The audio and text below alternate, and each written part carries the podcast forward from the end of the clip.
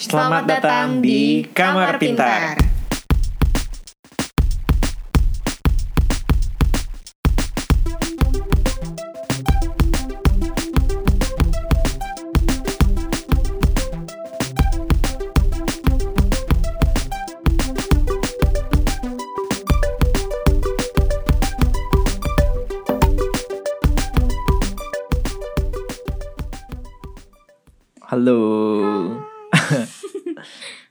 Lagi di podcast apa nih namanya? Kamar Kreatif. Kamar Pintar bersama dua roommates kesayangan kesayangan Anda semua. Ada aku Ano dan Aku Aku Sasa FYI ini episode kita lah, langsung take setelah episode 6 Sasa just being ambitious. Iya Dan gara-gara minum kopi jadi beraktif Oh iya, habis minum kopi tadi, Sa. Oke, oke. Ano Yap. Ano pernah nggak Eh enggak enggak enggak Langsung jawab Enggak, itu udah dijawab. Thank you.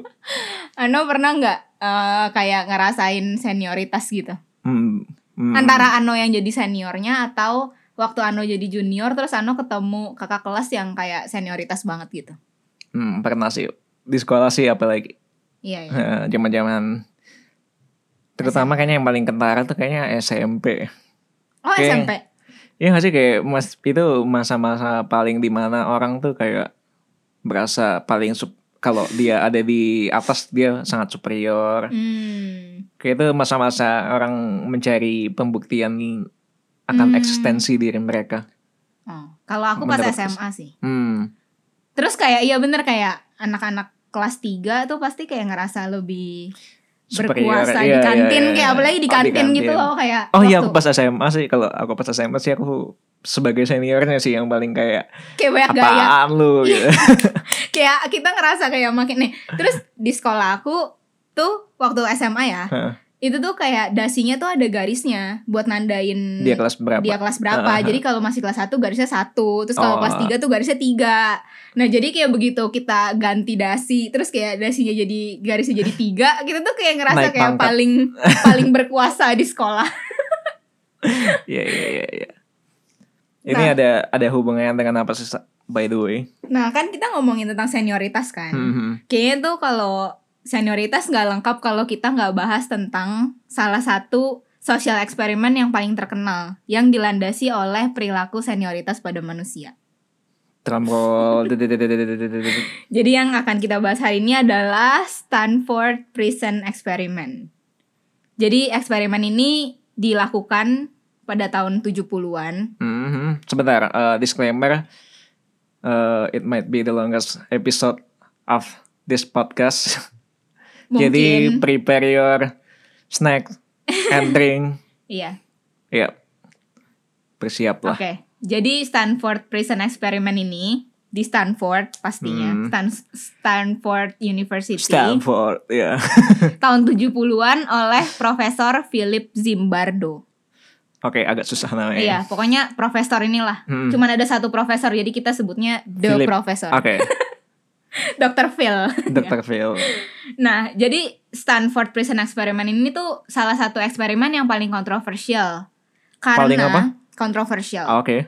Karena dia tuh eh, seluruh pesertanya tuh kayak terlalu mendalami perannya masing-masing sampai escalated banget kayak sampai sampai parah banget dan akhirnya tuh Mhm. harus dihentiin di tengah-tengah. Hmm, peran apa nih? Sa? Katanya tadi sangat mendalami peran. Peran apa yang dimaksud di sini?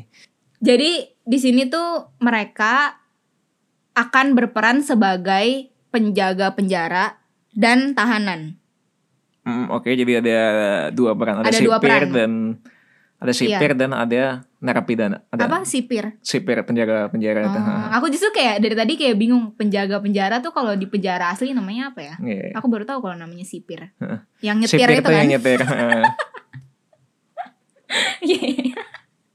Cut, oke. Jadi di sini tuh intinya mereka tujuannya adalah untuk mempelajari Hmm. ketika orang diberi kekuasaan dan Sebagai ketika sipir berarti. Mm-mm, Heeh. dan ketika kekuasaan itu diambil sebagai tahanan. Jadi identitas dirinya diambil.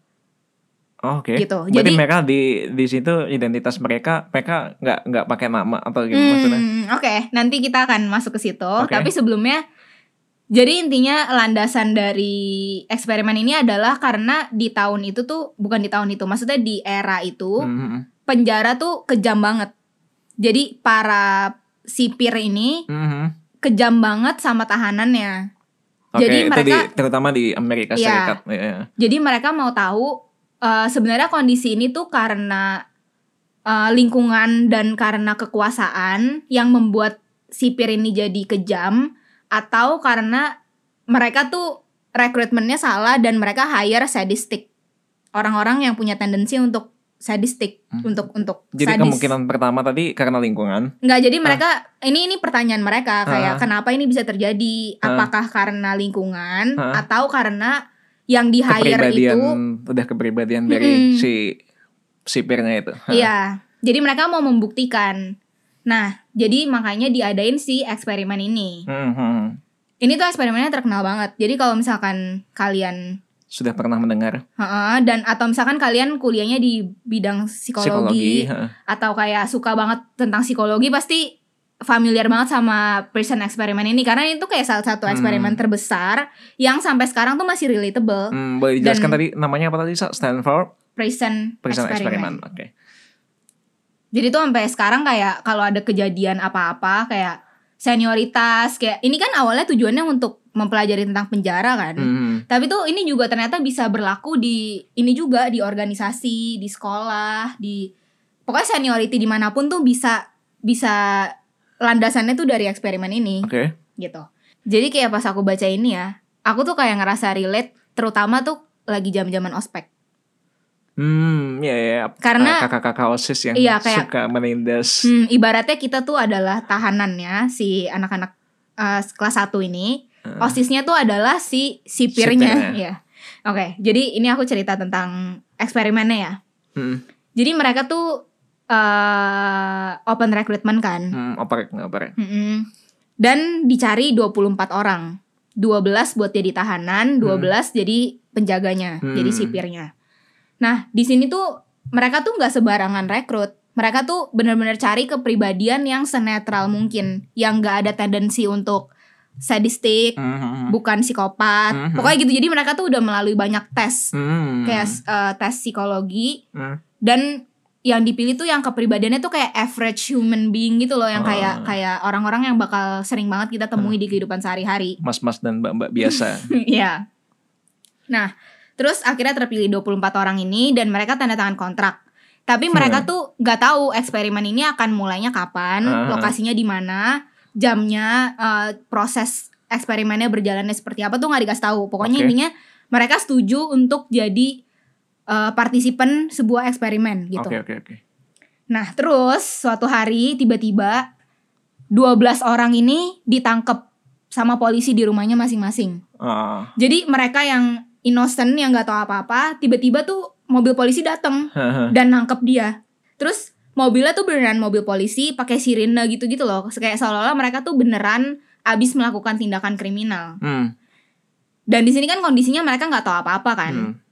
Jadi Gila itu abis pulang eksperimen dijudge sama tetangga gak sih? Nah iya makanya kayak mereka tuh nggak nyangka kalau mereka tuh akan digituin Ah. kayak di tetangga-tetangganya semuanya tahu kayak seolah-olah mereka tuh kriminal padahal mereka tuh nggak tahu apa-apa Iya, iya. dan ini tuh mahasiswa semua. Oh oke. Nah terus udah gitu eh, setelah mereka ditangkap terus mereka dibawa ke kantor polisi terus kayak melalui prosedur tahanan biasa kayak di di eh, mugshot terus kayak Hmm. fingerprintnya direkam kayak Iya, gitu-gitu terus mereka di blindfold ditutup matanya dan Hmm. dibawa ke basement Stanford University. Hmm. Nah di basement ini tuh udah dibuat settingnya seolah-olah ini benar-benar penjara. Hmm. Jadi udah ada ruangan-ruangan, terus ada pintu selnya, Hmm. kayak gitu. Nah terus di dalam penjara ini Hmm. mereka tuh ketemu sama 12 yang sebenarnya peserta juga, Hmm. tapi mereka nggak tahu kalau itu tuh sama kalau mereka tuh nggak tahu kalau semua 12 yang di ruangan itu adalah peserta eksperimen. Ah, mereka taunya itu kayak emang narapidana. Iya. Ah. Dan si si yang jadi tahanan itu ketemu sama 12 guard kan, 12 sipir. Hmm. ya kan tapi mereka nggak tahu kalau mereka tuh juga peserta mereka Hmm. taunya kalau 12 orang ini tuh bener-bener eh, Polisi, maksudnya polisi beneran, polisi, ya. Terus mereka pokoknya udah pakai seragam, pakai kacamata hitam yang kacanya tuh mantul gitu. Yang Oh, jadi yang supaya bisa lihat matanya. Iya, nah, jadi supaya tahanannya nggak bisa lihat matanya. Pokoknya benar-benar settingannya tuh seolah-olah ini tuh penjaga gitu, penjaga penjara. Nah, terus ada satu peraturan nih yang tadi Ano nanya kayak identitasnya diambil maksudnya apa? Hah. Jadi semua tahanan ini dikasih nomor. Jadi mereka tuh udah nggak dipanggil berdasarkan nama lagi. Jadi Hmm. misalkan Ano, Ano nomornya 1 2 3 gitu. Hmm. Kalau mereka mau manggil Ano, mereka manggilnya 1 2 3. Mereka nggak manggil nama Ano. Hmm, Oke oke oke. Jadi di sana nama tuh nggak ada. Ah. Semua tuh nomor. Tapi si antara sipir ini manggil mereka berkomunikasi satu sama lain nggak? Iya. Nah, Dan tapi mereka kayak biasa. oh mereka manggilnya tetap misalnya officer Luisa. Iya. Oke. Kalau sesama guard tetap kayak biasa. Oke, Tapi oke. mereka tuh memperlakukan tahanan tuh seperti kayak seolah-olah mereka tuh nggak punya identitas. Oke. Mereka tuh cuma cuma nomor doang gitu. Hmm. Nah, tujuan dari pengguna nomor ini tuh adalah supaya tahanan ini tuh kayak semacam direndahkan gitu loh. Kayak Hmm. jadi dia lupa sama identitas dia sendiri.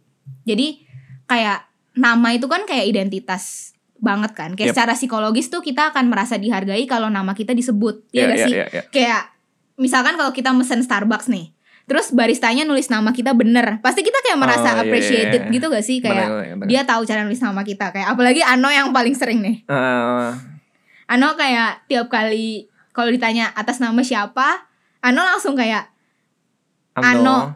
A double N O Ah, gitu iya. kan. Ano Ah. kayak langsung diktein gitu karena Iya. Ano mau orang itu nulis namanya bener kan. Iya. Iya. Ya gitu karena kita tuh kayak Tapi seringnya jadi Anto. Apa ya? A double N O jadi Anto tuh. ya terus Coba kayak balik ke SD lagi. kalau dia nulis N-nya satu gitu, Ano pasti kayak ngerasa kayak Apaan sih? iya iya kayak gitu kan. Nah, Tapi pernah tuh aku lagi di aku lagi di mana ya di Semarang. Terus aku beli makan, terus beli makan terus not aku ditanya kan, soalnya masih nunggu, Hmm. masih nunggu. Terus namanya siapa kak? Eh, Ano. Terus oh oke. Terus pas aku lihat stroke-nya N-nya dua. Bener, gitu. Padahal aku nggak dikte. Kayak aku udah pasrah terserah dia mau manggil aku Iya, apa. Hmm. Terus kayak Ano pasti seneng kan? Iya iya iya. Iya iya. Itu aja langsung aku foto stroke-nya. Kalau aku sih aku udah pasrah sih. Eh, Nama aku kan Luisa kan, Heeh. kayak nama lengkapnya. Orang tuh selalu kayak Lucia jadinya. Iya iya iya iya. Terus kayak kalau naik Grab gitu. Mbak Lucia ya. Terus aku kayak udahlah aku udah gak mau benerin kayak udah capek Atau udah terserah. Iya ya. Jadi nama samaran aku tuh Lucy. kalau di Gojek gitu. Karena aku kayak susah gitu kalau nulis Luisa kayak orang pasti salah baca. Jadi udahlah Lucy aja gitu. Iya. Kadang aku pengen ganti nama di Gokar eh di apa di Gojek atau di Grab gitu misalnya jadi Kevin gitu. Jauh banget. yang yang gampang, yang gampang. Iya iya iya. iya. Nah, terus kemudian si tahanan-tahanan ini tuh masuk ke penjara dan mereka tuh benar-benar dipakein baju tahanan. Mhm. Terus kayak diperlakukan seperti tahanan lah pokoknya dibangunin subuh-subuh, disuruh bersihin toilet, kayak Hmm. gitu. Pokoknya bener-bener disiksa gitu loh. Hmm, Tapi mereka si tahanan ini apa nggak mempertanyakan apa salah mereka gitu?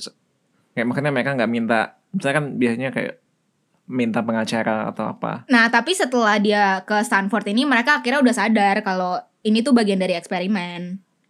Oh jadi setelah di Stanford itu Mm-mm. Dijelasin. Jadi kayak kayak setelah atau kan mereka kan dibawa ke Stanford kan. Ah. Tapi mereka tuh kayak udah langsung tahu gitu loh kayak oh ini eksperimennya oh gitu. oke oke oke. Jadi mereka tuh cuman kaget di awal doang pas Oke, mereka oke, kayak oke. tiba-tiba dijemput tapi setelah itu dia tahu kalau ini tuh karena eksperimen gitu. Nah, Hmm. jadi karena mereka mikir ini eksperimen, mereka tuh nggak nyangka kalau bakal se disiksa, bakal Hmm. disiksa kayak gini. Iya, iya. Mereka kira tuh kayak ini tuh cuman untuk membantu sistem penjara di Amerika gitu loh. Hmm. Kayak mereka nggak nyangka kalau mereka akan diperlakukan separah itu. Yap. Jadi mereka tuh mutusin buat resign. Karena mereka ngerasa si tahanan, ini, karena ya. mereka ngerasa kayak ini tuh parah banget kayak dia nggak mau nggak jadi gitu loh Kayak yang ngurus mereka ikutan. tuh benar-benar full si peserta eksperimen yang berperan sebagai sipir nih yang ngurus mereka semua yang ngurus Iya, si iya. tahanan Hmm. Hmm. dan si profesor ini tuh cuman kayak observer doang Hmm. tapi semua kejadian di situ tuh ada hidden CCTV-nya Hmm. jadi uh, profesor ini selalu nonton Hmm. kayak selalu mengawasi gitu nah jadi karena ini parah banget si para tahanan ini tuh mutusin buat resign Jadi hari kedua pagi mereka tuh mogok gitu loh. Jadi Padahal baru hari kedua. Iya, Ah. tapi karena udah parah banget mereka tuh nggak mau karena Hmm. mereka ngerasa kayak ini kan gue cuman volunteer kenapa Hmm. gue diginiin gitu kan. Jadi Hmm. mereka tuh eh, mutusin buat mogok. Jadi semua penjaranya tuh kayak di di barikade sama kasur-kasur gitu loh. Jadi mereka nggak Oh. mau keluar dari penjaranya. Aha. Nah biasanya kalau pagi-pagi kan kayak ada Apel. absen gitu Ah, kan. iya, iya. Nah mereka tuh nggak mau gitu. Nah terus logikanya karena ini volunteer harusnya nggak apa-apa dong kalau dia Hmm. mau keluar. Hmm. Mereka mau gak jadi ikut nggak apa-apa dong. Hmm. Tapi salah satu keanehan yang terjadi adalah si para penjaga ini tuh kayak terbawa suasana gitu loh. Hmm. Karena mereka ngerasa mereka adalah yang memiliki otoritas di tempat itu, Hmm. mereka tuh nggak ngasih para penja para tahanan ini Hmm. untuk keluar. Hmm. Jadi mereka tuh akhirnya ngambil apar eh, semprotan ini pemadam kebakaran. Oh iya iya. Mereka tuh semprotin satu ruangan itu semuanya disemprotin dan Oh. mereka tuh dipaksa buat keluar si tahanan ini. Padahal sebenarnya kayak kalau tahanan ini resign juga dia nggak ada ruginya kan. Iya, kayak iya, dia iya. juga peserta eksperimen tapi karena Ah. mereka tuh kayak bener-bener into karakter mereka banget Hmm. Jadi mereka- bertindak seperti itu Hmm. Dan itu nggak nggak ada perintah apa-apa. Tapi mereka tuh improvisasi sendiri jadi Hmm. sekejam itu. Terus Hmm. mereka kayak semprotin semuanya makin keluar eh suruh mereka keluar. Terus semua kasur disita. Terus mereka disuruh buka baju. Tahanan-tahanan ini. Hmm, ditelanjangin. Oke. jadi kayak escalated sampai kayak gitu. Kayak Padahal awalnya ini tidak ada di skenario iya. uh, eksperimennya. iya dan dia tuh orang biasa orang biasa yang direkrut Hmm. bukan kepolisian bukan Hmm. ada base militer nggak ada Hmm. tapi mereka bisa bertindak seperti itu ketika diberikan kekuasaan Iya iya. iya. ya kan nah terus mereka juga ngelakuin improvisasi lain jadi para penjaga ini kan nggak mau kalau tahanannya tuh saling kerjasama gitu loh karena si siapa si sipirnya? ya Aha. karena tindakan mogok tadi kan karena mereka semua bersatu dan Hmm. melawan penjaganya kan Hmm. tapi si sipir ini nih nggak mau hal itu terjadi lagi Hmm. jadi mereka improve dan mereka bikin satu peraturan Hmm.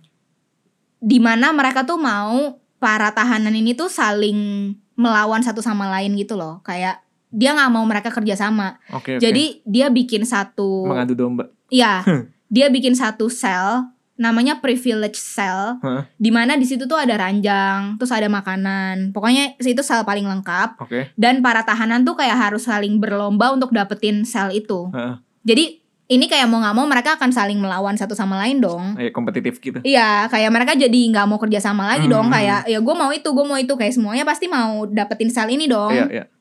Nah terus di sini tuh jadi dibikin setting kalau mereka berbuat baik, mereka akan dapetin reward, Mhm. ya kan? Mereka akan berpikir kayak gitu kan. Nah terus kemudian si penjaga ini nentuin siapa orang yang boleh masuk ke sel privilege ini.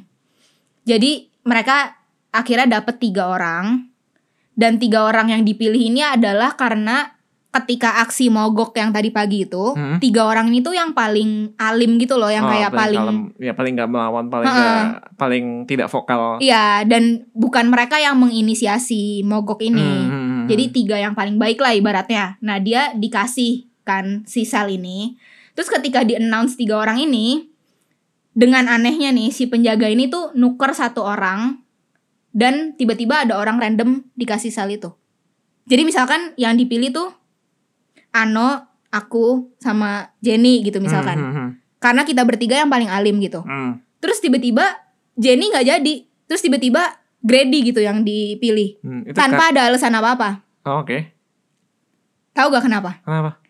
Karena di sini dia tuh mau bikin para tahanan tuh bingung kayak kenapa kok tiba-tiba Grady yang dipilih? Heeh.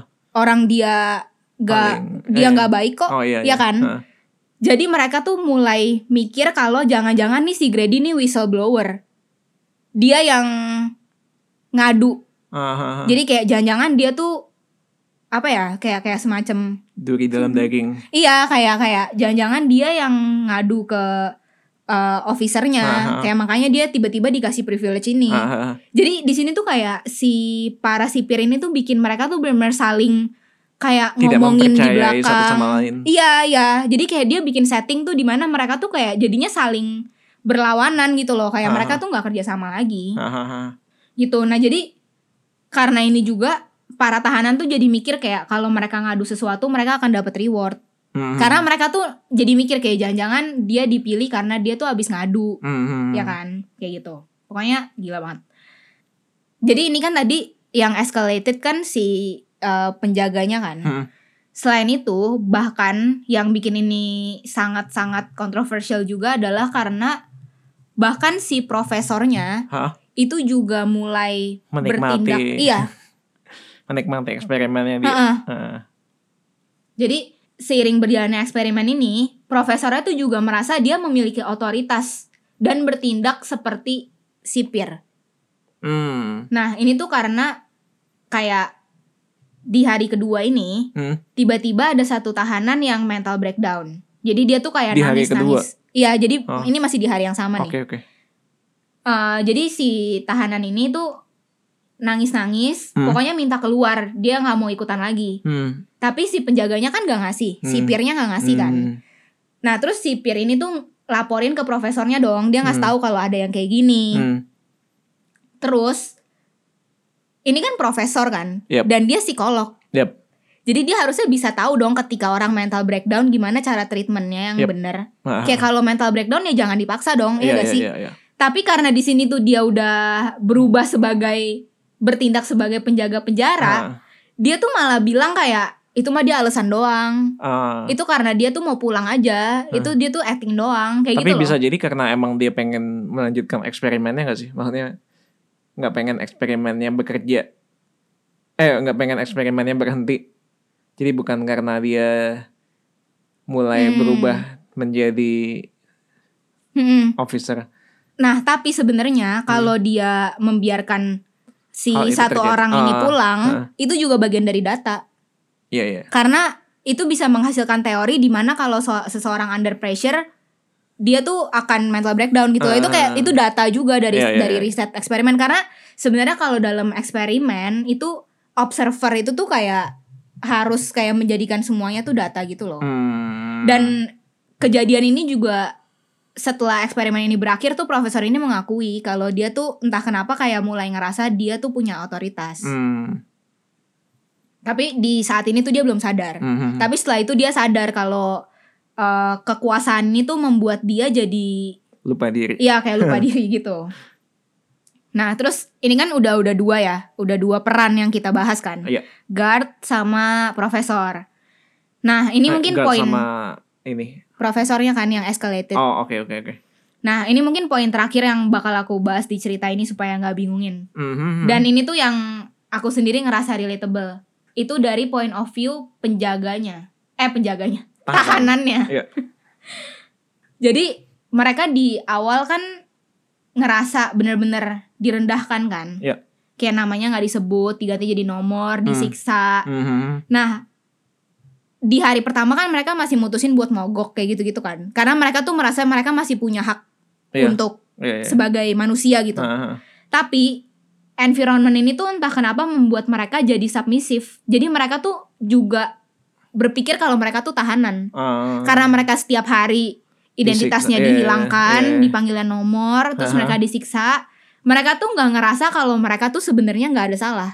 Hmm, ini setelah hari keberapa kayak semakin mereka semakin menjiwai peran mereka sebagai tahanan tuh udah Kayak udah ke 3, 4 sampai akhirnya tuh ini cuma enam hari. Oke. Jadi cerita panjang ini tuh cuman berjalan enam hari doang. Oke, Tapi oke. karena udah saking parahnya akhirnya dihentiin gitu. Oke oke. Jadi di hari-hari selanjutnya karena mereka setiap hari tuh kayak disuruh bersihin toilet, terus bahkan mereka tuh buang airnya di ember. Hmm. Jadi nggak dikasih toilet. Hmm. Terus kalau misalkan ada yang bertingkah, Mhm. si tahanan ini tuh nggak dikasih izin untuk bersihin embernya. Jadi mereka kayak nggak tahu harus berapa hari Oh. satu ruangan dengan ember yang udah kotor itu. Iya, iya, Kayak gitu. Pokoknya itu kayak hukuman-hukuman yang diimprovisasi oleh guardnya. Mhm. Dan entah kenapa tuh ini bikin para tahanan tuh merasa kalau diri dia tuh beneran salah Iya beneran gak berharga Tahanan. gitu. Iya, iya. Nah jadi si tahanan yang tadi mental breakdown itu Mhm. karena udah parah banget akhirnya dia dibebasin kan. Mhm. Terus dia diganti sama satu peserta baru. Oke. Tapi si peserta baru ini tuh cuman kayak dimasukin doang. Dia nggak nggak melalui proses yang ditangkap pakai mobil gitu-gitu Aha. loh. Jadi pas mereka pas si satu orang ini masuk, Hah? nomornya 416. Susah Oke. ya ngingetnya. Pokoknya si 416 ini begitu masuk dia chill aja dong. Dia Hah. kayak, "Hah, apaan? Ini kan eksperimen doang gitu Iya, kan." iya. Dia nggak tahu seberapa intensnya Iya, karena iya. dia baru kan. Heeh. Dan dia tuh kayak bingung gitu kenapa tahanan lain tuh pada ketakutan. Nah, bentar tadi ada yang dikeluarin satu. Iya, Kenapa? karena yang dia mental breakdown itu. Oh, yang mental breakdown. Karena udah parah banget akhirnya dia dikeluarin kan. Hmm. Terus si 416 ini kayak ya lah chill aja lah kayak ini cuma eksperimen doang nggak beneran gitu Iya, kan iya, karena iya. dia nggak tahu. Hmm. Terus jadinya dia min jadi agak melawan. iya dia dia kayak seenaknya dong dia kayak Iya, iya. ngelawan aja kayak orang gua nggak salah apa-apa gitu kan. Iya. Nah terus akhirnya karena dia ngelawan ngelawan terus akhirnya dia dapat hukuman dong. Hmm. Terus karena dia nggak dia merasa dia nggak deserve hukuman itu dia mau keluar Hmm. dia nggak mau ikutan lagi eksperimen ini. Hmm. Terus karena nggak dikasih, dia Hmm. jadi mogok makan. Hmm. Nah, kayak sebenarnya kalau misalkan ada yang bertingkah kayak gini, Hmm. tahanan lain tuh logikanya juga akan ngerasa berani dong, kayak Hmm. kayak bener dong yang dia pikirin, kayak Iya, bener iya, dong iya. kita harusnya nggak boleh ngerasa takut dong, Iya, orang iya. kita nggak salah apa-apa ya dong. Iya. Tapi tuh karena tahanan-tahanan ini tuh udah, Udah masuk. iya udah udah, ngerasa submisif iya. gitu. Dia tuh malah kayak aduh ngapain sih dia bertingkah kayak gitu Kayak udahlah pasrah aja udahlah terima aja Kayak gitu loh Aha. Jadi dia malah gak berpikir untuk ngelawan. Hmm. Padahal sebenarnya si 416 ini yang bener kan dia Iya, yang iya, iya. yang masih sadar gitu loh Iya, otaknya kayak belum belum ke brainwash gitu. Iya. Nah, terus kalau di sistem penjara gitu kan ada yang namanya pembebasan bersyarat. Hmm. Jadi namanya parole. Parole. Aku tuh nggak tahu sih bahasa Indonesianya, tapi pas aku cari di translate tuh namanya pembebasan Iya, iya. bersyarat. Ada sih. Iya, jadi misalkan Ano divonis 15 tahun. Hmm. Terus ada kemungkinan Ano tuh bisa dibebasin secara bersyarat di tahun kelima. Hmm. Jadi, nah terus nanti di tahun kelima itu dokumen-dokumennya tuh akan diperiksa. Terus Heeh. kayak misalkan Ano nggak pernah bertindak onar gitu. Terus kayak misalkan Ano udah bisa dijamin nggak akan eh, menjadi bahaya untuk masyarakat gitu. Gitu. Ano bisa dibebasin kan. Hmm. Nah di eksperimen ini juga mereka nerapin sistem Pembebasan, pembebasan bersyarat. bersyarat ini. Hmm. Jadi para tahanan itu ditanya mereka mau nggak daftar untuk parole, tapi mereka nggak dibayar akibatnya. Dibayar. Jadi untuk- jadi mereka tuh dibayar untuk ikut eksperimen ini. Oh, kayak kayak oke, ada oke, ada ada honornya gitu Ah. loh. Jadi terus ditawarin kalau mereka daftar parole ini mereka tuh nggak dibayar. Ah. Nah kalau di penjara beneran kan sistem ini tuh panjang kan prosesnya kayak harus diperiksa dokumennya, harus approval gitu-gitu kan. Hmm. Nah di sini juga mereka sama. Mereka kayak bikin prosesnya tuh panjang. Hmm. Dan para tahanan ini tuh bersedia untuk daftarin diri ke parole ini. Hmm. Di mana sebenarnya mereka tuh bisa aja kalau mereka mau langsung berhenti. Hmm, padahal mereka nggak perlu daftar Iya pembebasan dong. bersyarat tinggal bilang kayak saya Iya. resign dari eksperimen ini. Iya kayak mereka toh juga mereka nggak mau dibayar, Iya, ya iya, kan? iya, kayak iya. mereka udah setuju untuk nggak dibayar. Heeh. Kenapa mereka mau untuk parole, sedangkan mereka bisa tinggal pergi aja, Iya, iya, iya. ya kan? Iya. Tapi di sini tuh mereka daftar jadi parole. Eh, Sedangkan itu harus nunggu proses yang panjang, harus diperiksa dulu dan ujung-ujungnya endingnya sama kan, sama-sama bebas dan sama-sama nggak dapet duit. Iya, iya, iya. Kayak kenapa nggak mereka langsung mutusin untuk pergi aja gitu? Iya. Nah, terus satu lagi yang juga kayak dampaknya tuh ke mana-mana. Hmm. Jadi mereka tuh punya jadwal jenguk. Jadwal. Jadi Hmm, hmm, hmm. ini kan mahasiswa kan. Aha. Jadi orang tua tuh boleh jenguk gitu Iya, loh di iya. jam-jam tertentu. Tapi orang tuanya tuh juga di treatment sebagai orang tuanya tahanan. Ah. Jadi kayak barang-barangnya diperiksa, terus Hmm. pas jenguk cuman boleh 10 menit. Terus eh, si anaknya tuh diawasi sama sipirnya gitu kayak jadi Hmm. bener semuanya diawasi. Pokoknya bener settingannya tuh kayak penjara beneran gitu. Hmm, hmm, hmm. Nah, terus tahanan ini kan kayak udah desperate banget kan dia cerita Iya. ke orang tuanya kayak udah gak kuat lagi bener-bener pengen pulang gitu-gitu. Orang tuanya tuh malah kayak eh, coba ya mama bantu ngomong ke penjaganya. Terus kayak dan ketika request orang tuanya nggak diizinin, Ah. orang tuanya tuh malah kayak nyemangatin anaknya buat sabar gitu loh. Eh, Jadi entah kenapa orang tuanya juga mulai berpikir kalau anaknya tuh adalah tahanan. Iya, iya, iya. iya. Padahal sebenarnya orang tuanya bisa aja dong nuntut eksperimen ini. Mhm. Kayak lu udah menyebabkan anak gua menderita. menderita mental breakdown kayak bisa aja dong kalau orang tuanya mau langsung minta untuk dihentiin Iya, iya, ya kan? iya. Tapi ini tuh enggak. Jadi orang tuanya tuh malah ikutan pasrah dan kayak ngikutin peraturan yang dibuat sama penjaga bohongan ini. Ah, jadi kayak bahkan tuh sampai ketika dia punya kebebasan punya kesempatan untuk bebas mereka tuh tetap berpikir kalau mereka tuh adalah tahanan dan mereka Hmm. tuh adalah submisif gitu loh. Dan profesornya kan kayak ikutan terlena gitu kan Iya, di iya. dalam eksperimen ini. Jadi tuh akhirnya pada suatu hari pokoknya eh, dia tuh kayak ngundang salah satu alumni yang ternyata adalah pacarnya. Nggak penting sih. Si Pokoknya profesor si ini. profesor ini untuk kayak ngewawancarain gitu loh ngewawancarain peserta-pesertanya. Hah, kayak kan mereka kan tetap harus collect data kan. Iya, iya. nah terus ketika si pacarnya ini tahu pacarnya tuh kayak bener-bener ngerasa ini tuh kayak Keterlaluan. keterlaluan banget Hmm. jadi pacarnya tuh yang request ini untuk diakhiri Hmm. karena bener-bener si penjaganya tuh udah mulai escalated banget udah mulai makin jahat Hmm. dan tahanannya tuh makin pasrah jadi kayak ini tuh udah udah bener-bener nggak sehat lagi gitu loh buat mereka Hmm.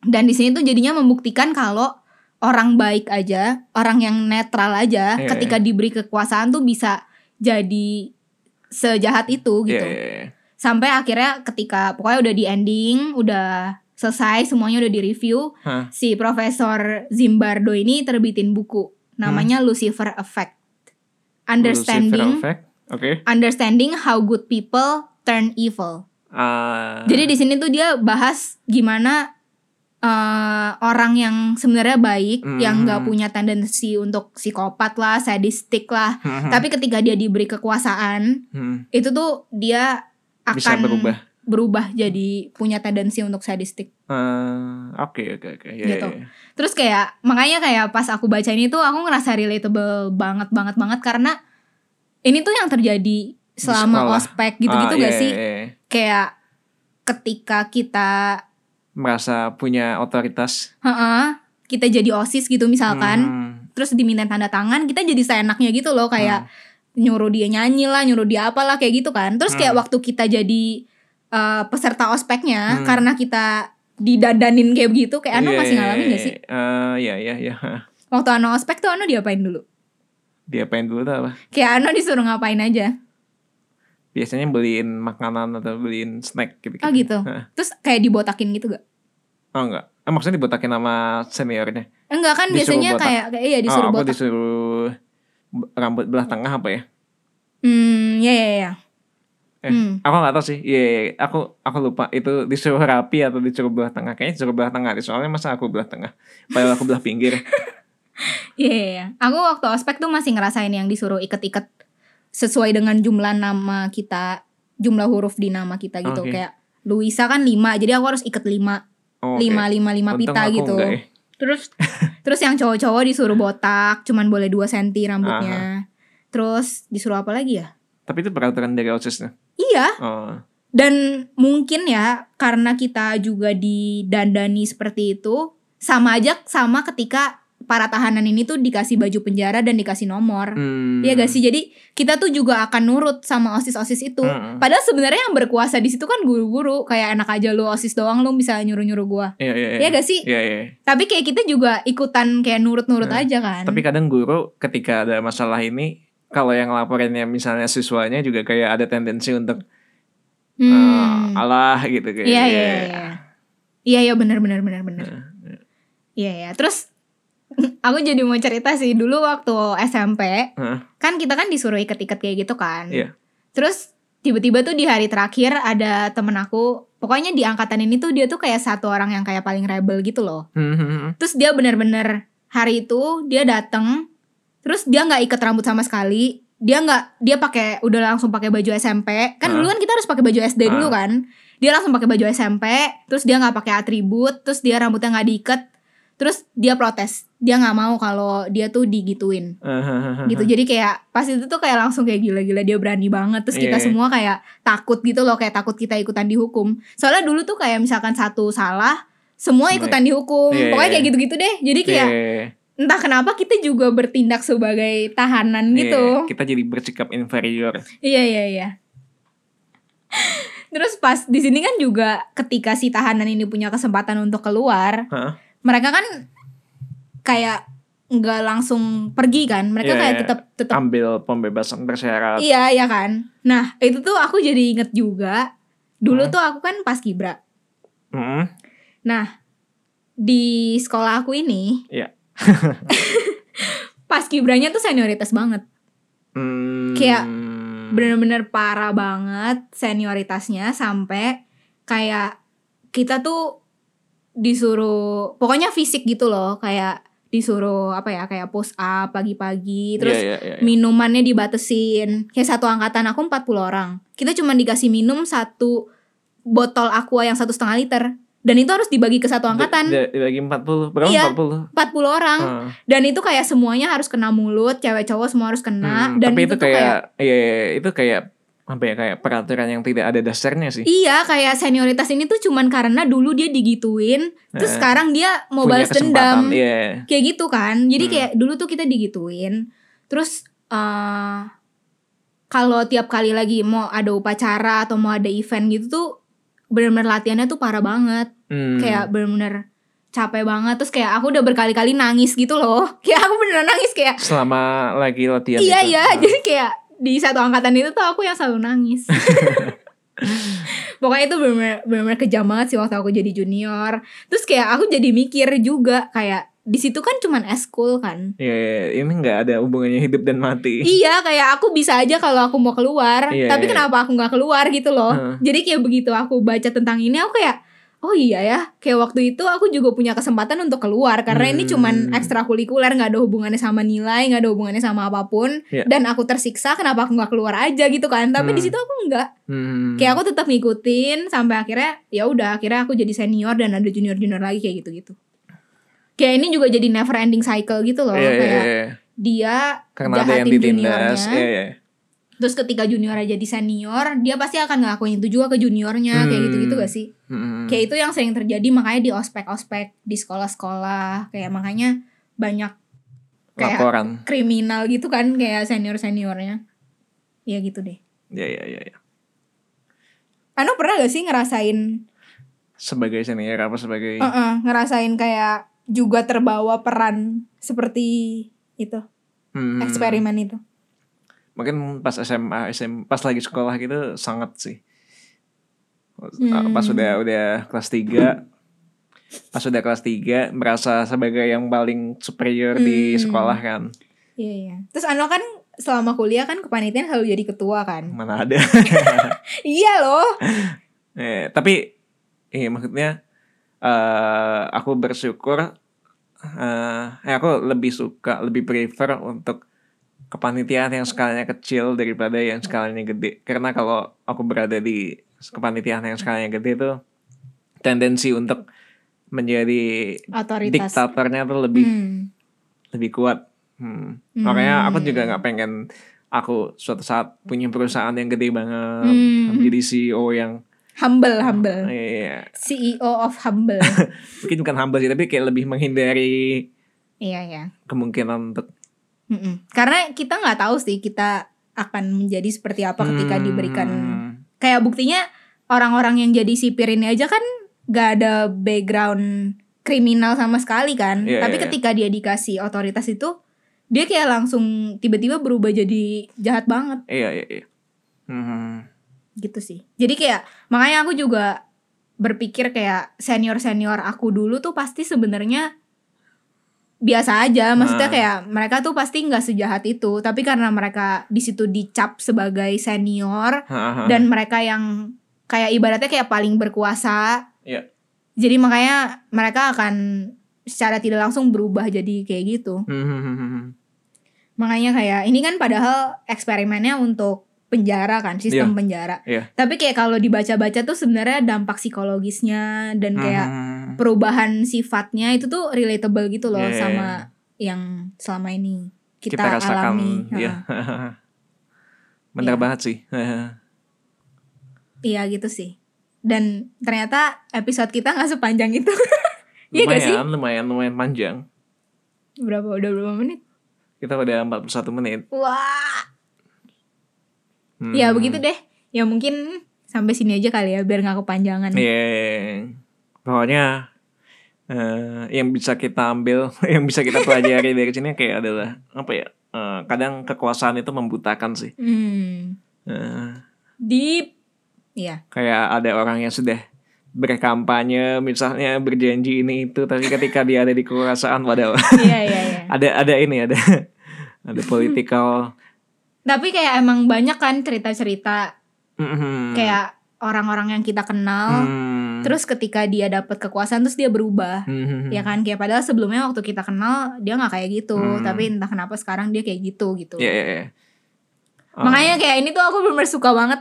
iya. Kayak ini salah satu Suka. episode favorit aku selama aku Hmm. baca. Soalnya pas aku baca tuh kayak oh my god ini bener banget, bener banget. Aku juga gitu, aku juga ngerasain Iya, gitu. iya, iya. sebagai seniornya Enggak loh, aku Nah. sebagai senior tuh baik tau. oh iya iya, iya percaya jadi buat kalian yang pengen tahu lebih dalam mempelajari soal ini mungkin kalian yang kuliah di psikologi udah pernah tahu Hmm, atau kalian yang mungkin tertarik tertarik di bidang Hmm, psikologi. bisa baca ini tadi di di bukunya si Dr. Phil nah, bukan Dr. Phil apa Profesor Philip Zimbardo, Zimbardo tadi judul bukunya apa sih The Lucifer Effect. The Lucifer Effect nah itu dia bahas tentang dia cerita tentang eksperimennya Iya, ini juga di dia bahas bukunya ini dan dia mengaitkan dengan pokoknya di di beberapa tahun setelah itu ada kejadian gitu loh, Hmm, kejadian di di mana ya di penjara beneran kayak ada penjaganya tuh yang berperilaku sama kayak di eksperimen ini. Hmm. Pokoknya gitulah akhirnya sampai di pengadilan gitu-gitu tuh akhirnya si eksperimen ini dibawa untuk Ah, ah. menjadi salah satu Hmm. Eh, pertimbangan gitulah Hmm. kayak gitu deh. Dan si profesor ini juga jadi ininya. Apanya ya namanya kalau di Oh kayak Pengadilan. dia testify eh makanya kayak dia Iya. jadi saksi ahli gitu ya kayak semacam itu. kayaknya ya pokoknya dia Hah. jadi ya dia dia berperan juga lah di dalam pengadilannya Hah. si ini dan di buku ini tuh dia bahas juga Hmm. tentang eh, penerapannya di penjara itu Hmm. aslinya di Irak deh kalau nggak salah kejadiannya itu. hmm ya ya, ya. ini kayak privilege Hmm. does matter Iya, black lives matter Black Lives. oh black Matter. lives ya Iya, iya dan ini relate Ah, juga sih iya, sama relate itu. juga sama Heeh. kejadian yang baru-baru Yang- ini terjadi si George Floyd ya Iya. Dan itu kan juga bener-bener authority kan. Hmm. Dia punya kekuasaan dan dia jadi seenaknya. ya ya ya ya. Gitu sih. Ya, ya. Makanya ini tuh kayak eksperimennya kayak sampai sekarang aja tuh masih relate gitu loh. Hmm, dan akan selalu relate sih sepertinya Iya. Semoga makin banyak yang aware sama isu ini, ini ya dan kayak mereka jadi sadar kalau mereka tuh tidak seharusnya bertindak seperti itu ketika mereka mendapatkan kekuasaan. Hmm, Iya. makanya eh, makanya kekuasaan tuh membutakan dia Bener. Oke, terima kasih buat kalian yang udah dengerin. Kalau kalian pengen cari tahu lebih banyak tentang ini bisa cari Stanford Prison, Prison experiment. Experiment atau mungkin bisa cari bukunya si Profesor Philip Zimbardo ini Hmm. judulnya The Lucifer Effect. Effect. Oke, terima kasih buat kalian yang udah dengerin. Thank you guys. Thank you. Kalau kalian tertarik sama eksperimen-eksperimen lainnya, DM kita Oh, iya. karena aku banyak baca juga eksperimen lain yang keren-keren. Yoi. gitu bisa DM kita di at kamersiniar.id atau email kita di kamarpintarsiniar@gmail.com. Jangan lupa kita ada kamar sebelah juga. Ada kamar kreatif. Ada aku, ada Grady dan Jenny. Yay. Oke, Oke. terima kasih buat kalian yang udah dengerin. Jangan lupa share ke teman-teman kalian. Jangan lupa follow Instagram kita. Terima kasih banyak. Have a nice day. Sampai jumpa minggu depan. Dadah.